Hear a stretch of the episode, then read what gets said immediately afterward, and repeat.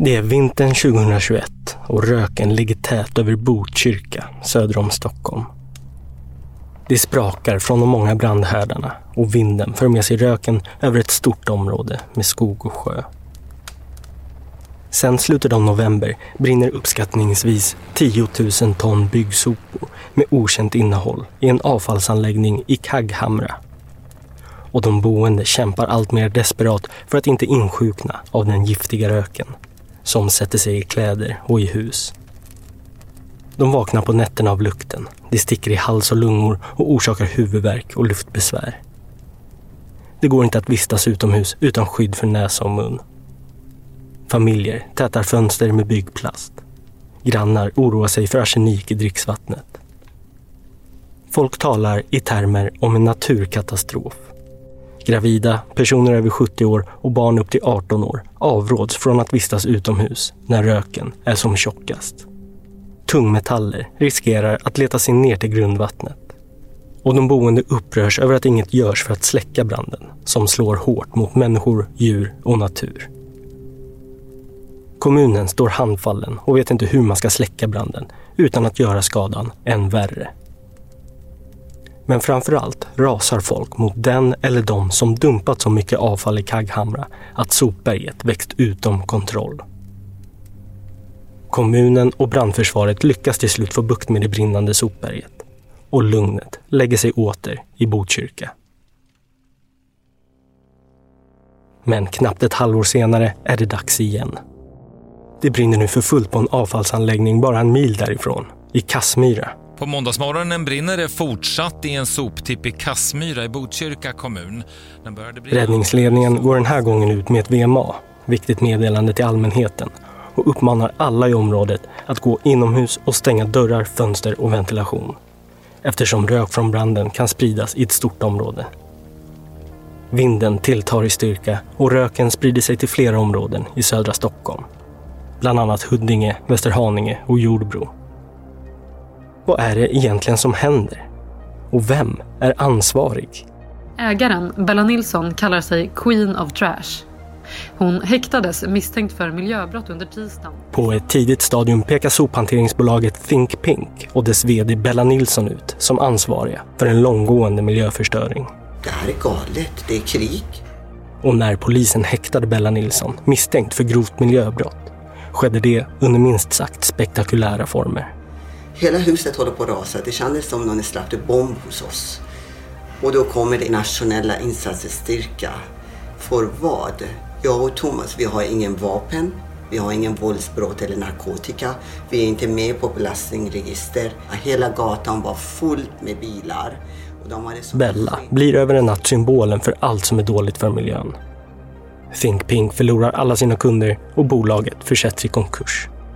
Och allt det här, menar Bella och den privatspanare hon anlitat, har orkestrerats av Bellas konkurrenter i den gråa, mansdominerade sophanteringsbranschen. Det ska inte gå till på det här sättet. Konkurrenter som till varje pris velat bli av med den färgstarka uppstickaren Think Pink. När man gör tillslag mot henne i ett villasamhälle med insatsstyrkan och Expressen som närvarande så är det här för att göra en skandalisering av henne. Man har ju avlyssnat henne, det är jag övertygad om, och fått veta att hon står i begrepp att sälja bolaget för en stor summa pengar och så agerar man på det här sättet. Det är en osannolik konspiration som Bella målar upp. Men något som står klart är att när det kommer till hennes bolag Think Pink så är det som att lagar och regler upphör att gälla. Bolaget väcker en sån avsky att de mest otippade aktörerna helt tycks tappa fotfästet. Ja, vi har tagit oss in här på NM Think Pinks sopanläggning. Eh, vi har klättrat in genom staketet. En kvinna tar sig in i en av Think Pinks anläggningar tillsammans med en väninna, filmar det hon ser och lägger ut det på sociala medier där hon driver en stark opinion mot det privatägda bolaget. Jag vill att ni ska se vilken jävla miljöförstöring de Det anmärkningsvärda är att kvinnan är en folkvald politiker. Men du agerar ju både som politiker och privatperson. Du ser inte att det kan finnas en intressekonflikt här? Nej, det tycker jag inte. För sån, sån känd politiker är jag verkligen inte. Och inte nog med det, så verkar det som att en erfaren polis under pseudonymen Bernt Nilsson tillbringar sin lediga tid till att nätståka och svartmåla Bella och hennes bolag. Hon är övertygad om att det är du som är Bernt Nilsson också. Ja, det kan man ju tro. Finns han tillgänglig, tror du? I händelsernas centrum hamnar journalisten och författaren Thomas Sjöberg som får en unik inblick i Bella Nilssons händelserika liv. Nu ska jag skrapa på stenen så får vi se hur många lik kommer fram. Och det har kommit fram grejer som kommer att skaka Sverige. Är Bella Nilsson utsatt för en konspiration och maktmissbruk? Eller är hon helt enkelt en illvillig miljöbov? Mitt namn är Nils Bergman och du lyssnar på podcastserien Queen of Trash av och med journalisten och författaren Thomas Sjöberg. En serie i fyra delar om Bella Nilsson och Think Pinks uppgång och fall.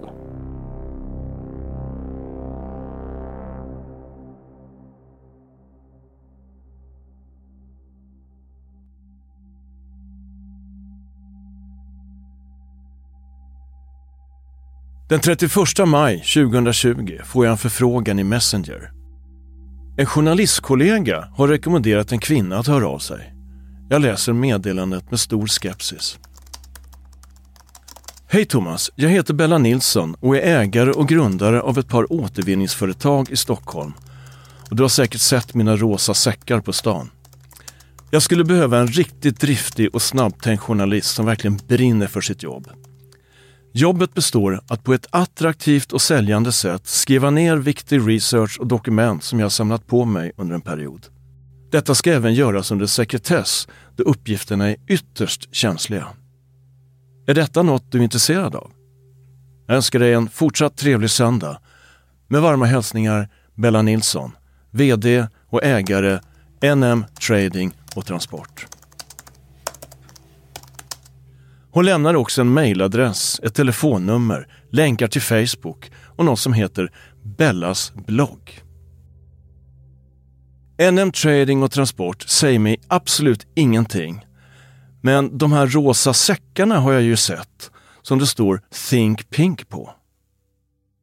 Jag ser också att företaget stödjer Barncancerfonden, Svenska pensionärer, J-Bay Recycling Project, Asics Stockholm Marathon, Stockholm halvmaraton, Midnattsloppet, Tjejmaraton och tv-programmet Sofias änglar.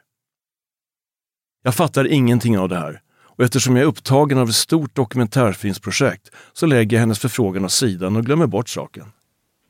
Men en månad senare är det något som får mig att svara, något som ändå har satt ett spår. Jag skriver till Bella. Hej! Jag är hemskt ledsen att det dröjt med återkoppling. Vad är det mer exakt du behöver hjälp med och hur kommer det sig att du vänder dig till mig? En vecka senare får jag hennes svar. Hej Thomas! Du hörde inte av dig under en period, så jag tänkte att du kanske inte är intresserad. Jag har blivit jagad av en köpt polisman under flera år och denna man bedriver häxjakt mot mig och mina bolag. Jag satte ihop ett team som började granska honom och jag kom över information som kan skaka Sverige med tanke på nyhetsvärdet. Jag drog utomlands för att det blev för mycket när jag insåg vad jag hade kommit över. Jag vill inte berätta om detaljerna per mejl utan gärna prata med dig. Ha en fortsatt trevlig kväll. Mitt intresse för storyn stiger. Det går ytterligare några veckor utan att vi har annat än mejlkontakt. Bella är i Spanien och vi bestämmer att höras på telefon när hon är tillbaka i Sverige. Under tiden skickar hon en text som ska publiceras på hennes blogg om ett par veckor och hon vill att jag läser den redan nu. Texten handlar om Bellas resa till Sverige. En lång process som börjar med att hon som tioåring hör talas om landet Sverige som ett paradis där man kan röra sig fritt, säga vad man vill och klä sig som man vill. Hon berättar om en våldsam uppväxt med svår misshandel och om sin pappas ständiga vrede och hotet om tvångsgifte med den betydligt äldre mannen med sin otäcka mustasch. Hon berättar om flykten från Iran via Turkiet till Sverige. Hur kvinnorna på planet tar av sig slöjorna och sina klumpiga klänningar så snart de lämnat Irans luftrum och kabinen i ett slag fylls av regnbågens alla färger. Bella skildrar tiden i Istanbul Hon ser förälskade par kyssas helt öppet och en kvinna på en balkong som sminkar sig i solskenet. Bella köper knallrött läppstift och svart mascara och njuter av blickarna hon får. Hon blir för första gången i livet sedd. Men hon skriver också om ett brutalt våldtäktsförsök som hon med nöd och näppe klarar sig ifrån.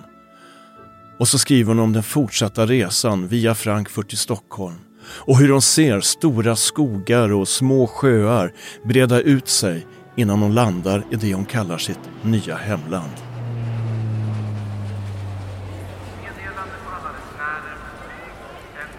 I bloggtexten har hon lagt in bilder på sig själv från vad som ser ut som turiststråket La Rambla i Barcelona.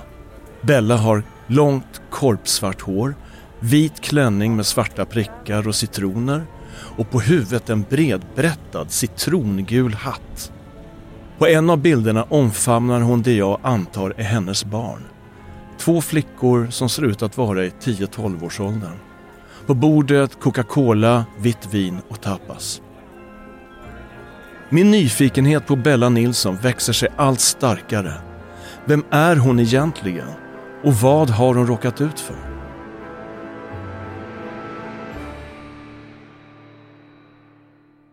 Under tiden googlar jag Think Pink och får en helt annan bild av bolaget och Bella Nilsson. Det visar sig att Think Pink flera gånger under de senaste åren hamnat i blåsväder. Det handlar om bränder i deras överfulla avfallsanläggningar runt om i Mälardalen och boende som klagar över stanken. Ett reportage i Radio P4 Skaraborg i maj 2019 är belysande.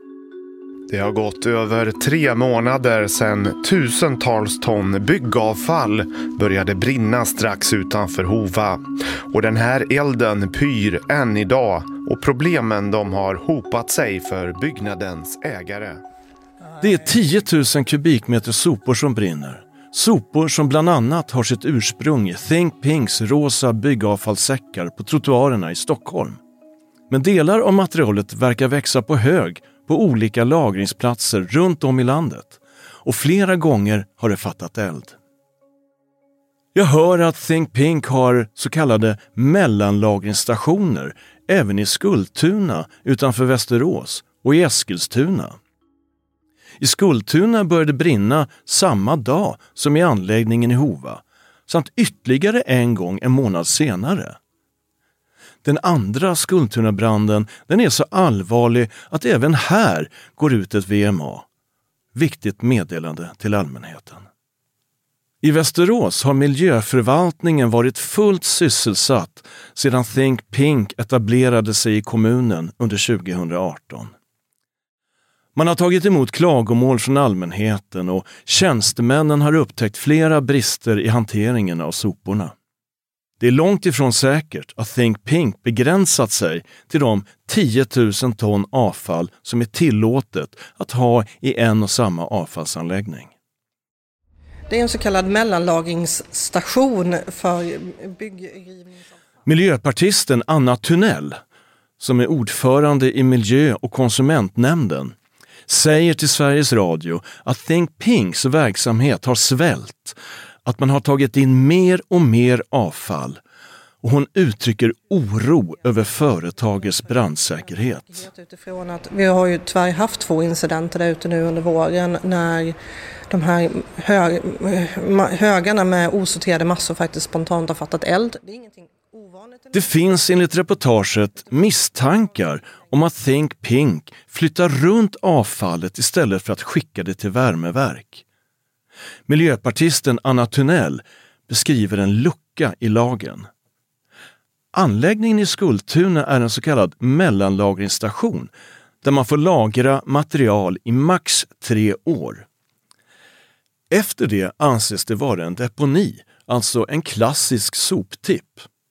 Men ett kryphål i lagen medger alltså att om man flyttar soporna från till exempel Botkyrka till en annan plats, till exempel Skultuna, ja då startar krockan om igen och man får tre nya år på sig.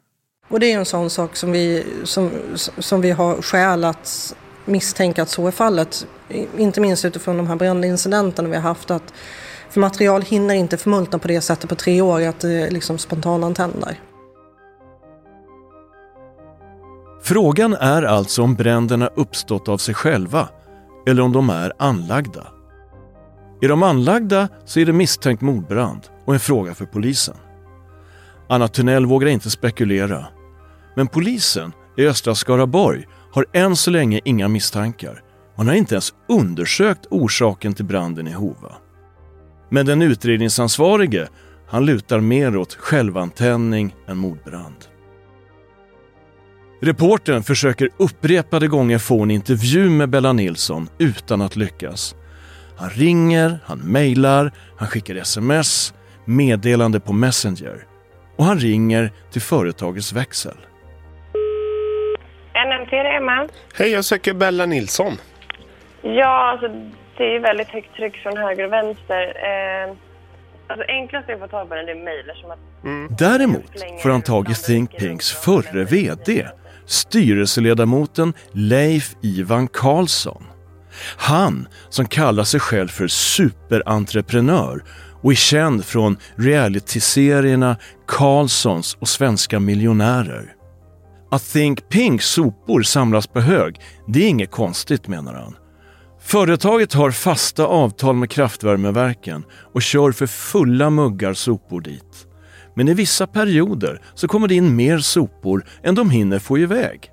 Och de senaste åren har Think Pink fördubblat omsättningen. Leif Ivan Karlsson misstänker att bränderna på Think Pinks anläggningar har anlagts och han för fram en konspirationsteori. Att det i själva verket är Think Pinks konkurrenter som har tänt på. Think Pink gör en egen utredning och har bevakning på sina anläggningar för att försöka fånga vem den skyldiga är. Motivet för att anlägga bränder i Think Pink sopberg är, menar han, att svartmåla det snabbväxande och framgångsrika återvinningsföretaget. Det här är konkurrensgrej. Uh, uh, De är, det har gått för bra för oss så att uh, de vill sätta käppar i hjulet är väl vad vi misstänker. Va? Det här har vi ju inte något bevis för men det kan inte vara på något annat sätt. Mystiken tätnar. Är Bella Nilsson och Think Pink miljöbovar? Eller är hon och bolaget verkligen utsatta för en komplott?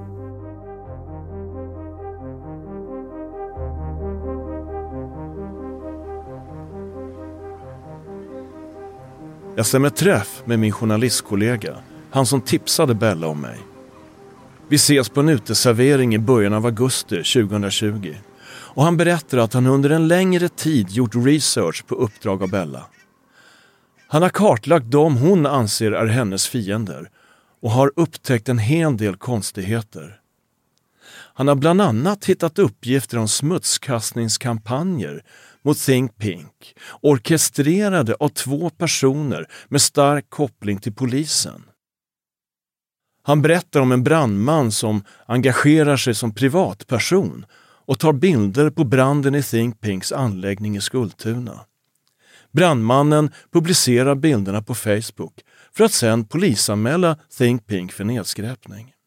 Han har uppgifter om att nyckelpersoner i Västerås samverkar för att sabotera Think Pinks verksamhet och på det sättet göra att kommunens eget avfallsbolag Vafab kan ta över de intäkter som Think Pink förlorar.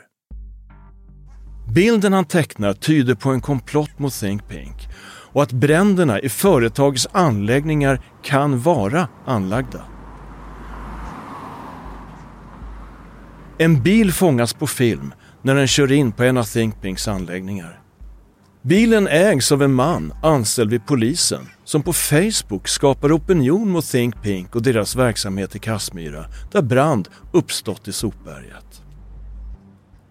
Det ska också finnas en koppling mellan den här polisanställde mannen och en person som kallar sig Bernt Nilsson och som står som administratör för Facebookgruppen Sophantering Botkyrka Kassmyragropen som driver en hård opinion mot Think Pink och deras avfallsanläggningar. Bernt Nilsson råkar också vara namnet på Bellas make, vilket leder till misstanken om att denna Facebook-administratör driver med Bella och i själva verket är den samma som den polisanställde vars bil fångats på film i Think Pinks anläggning, sannolikt med ägaren själv bakom ratten. Det finns också kopplingar till en av Think Pinks kunder, SRV, som är ett stort kommunalägt återvinningsföretag i Huddinge söder om Stockholm. Bella och Think Pink har haft en ekonomisk dispyt med SRV vars tidigare ordförande och vice ordförande, socialdemokraten Staffan Holmberg, anslöt sig till Facebookgruppen Sophantering Botkyrka Kassmyragropen, vars grundare, den här Bernt Nilsson, driver opinion mot Think Pink.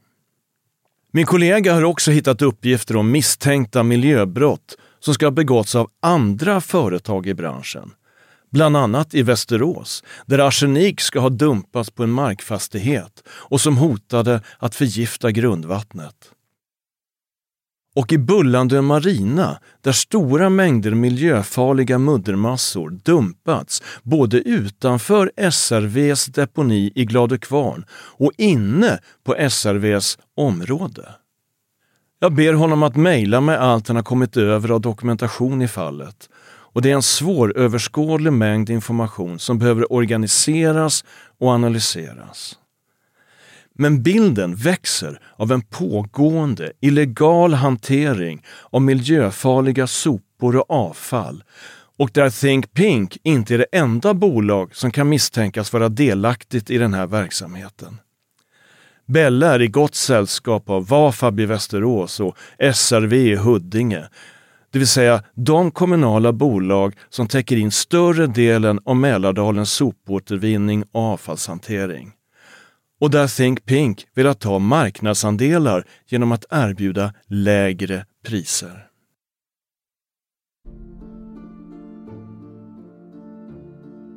Jag har nu två bilder av Bella Nilsson och Think Pink. Å ena sidan, företaget är inblandat i märkliga incidenter och har dragit på sig inte bara allmänhetens missnöje utan också blickarna från kommunens tjänstemän. De som ska se till att miljölagen efterlevs och att misstänkta brott utreds och beivras. Å andra sidan, Think Pink ser ut att ha utsatts för en raffinerad attack, möjligen samordnad från olika personer med kopplingar till varandra och till kommunala återvinningsföretag som är Think Pinks konkurrenter. Här är två bilder som verkar oförenliga. Vilken är sann? Eller är det själva verket så att båda är sanna? Kan vi prata? Ja, ja visst, det är därför jag svarar. Absolut. Okej. Det är nu mitten av augusti och Bella och jag får äntligen telefonkontakt. Hon är tillbaka i Sverige och uppe i varv. Hon säger att hon åker utomlands så ofta hon kan eftersom hon känner sig jagad. Korruption på högsta nivå, Thomas. Eh, De ger mutor. Hon pratar fort och det är svårt att hänga med i turerna hon beskriver. Du vet, de här, de är väldigt många. När du säger dem, vilka, vilka är det nu du... du nu... Oddfellow. Förlåt?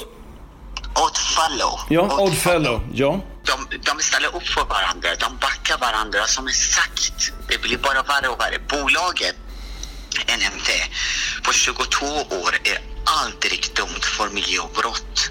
Nej. Men de följer, de sätter denna polismannen som har jagat mig, han sätter GPS under bilarna.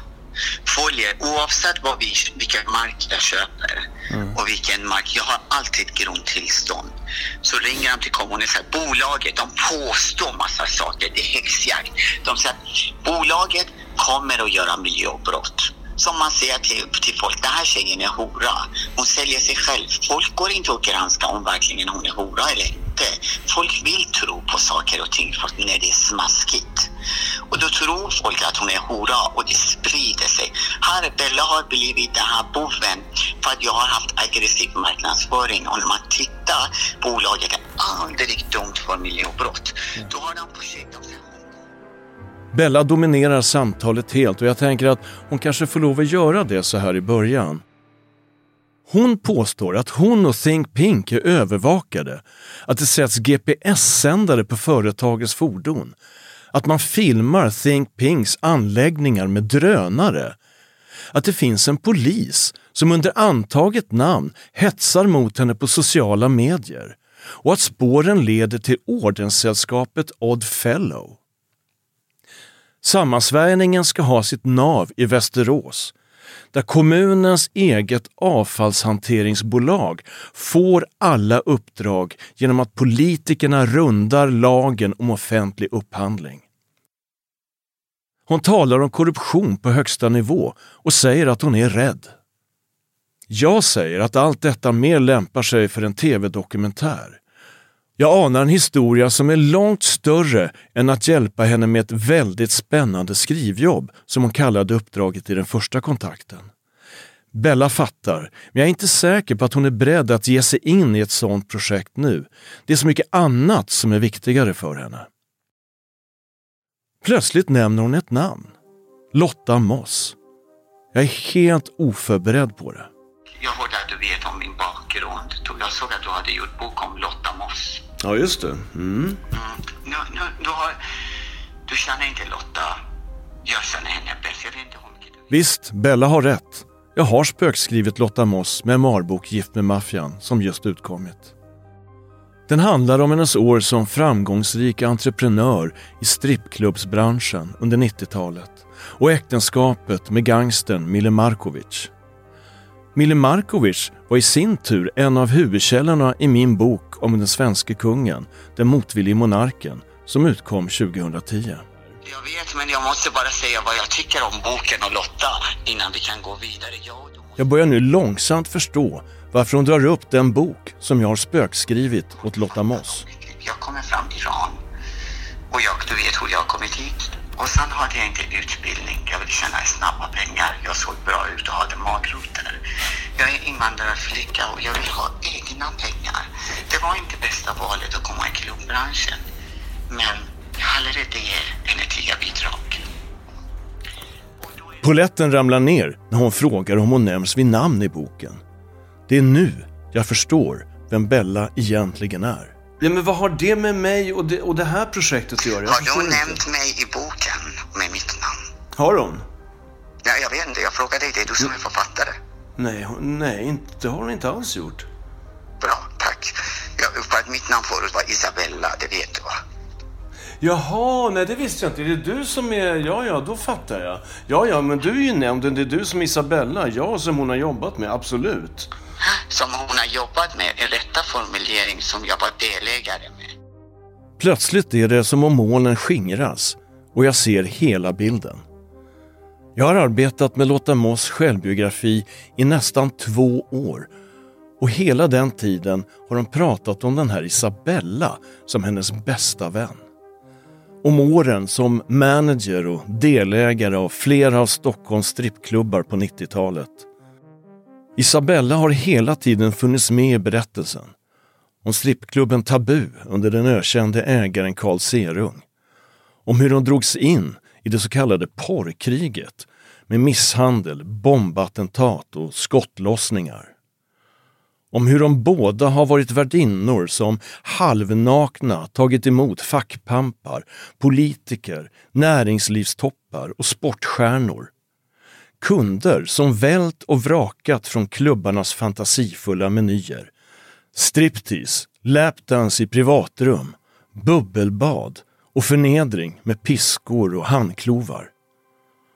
Allt det här har jag ju känt till utan att veta att den Isabella som Lotta Moss berättar om i boken alltså är den Bella Nilsson jag nu har i telefonen. En invandrarflicka från Iran. Från noll började jag här.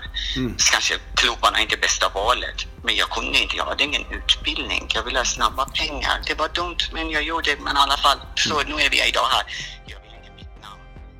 Men det stannar inte vid det. Bella berättar också att hon har hyrt in en före detta polis för att hjälpa henne att kartlägga sina fiender.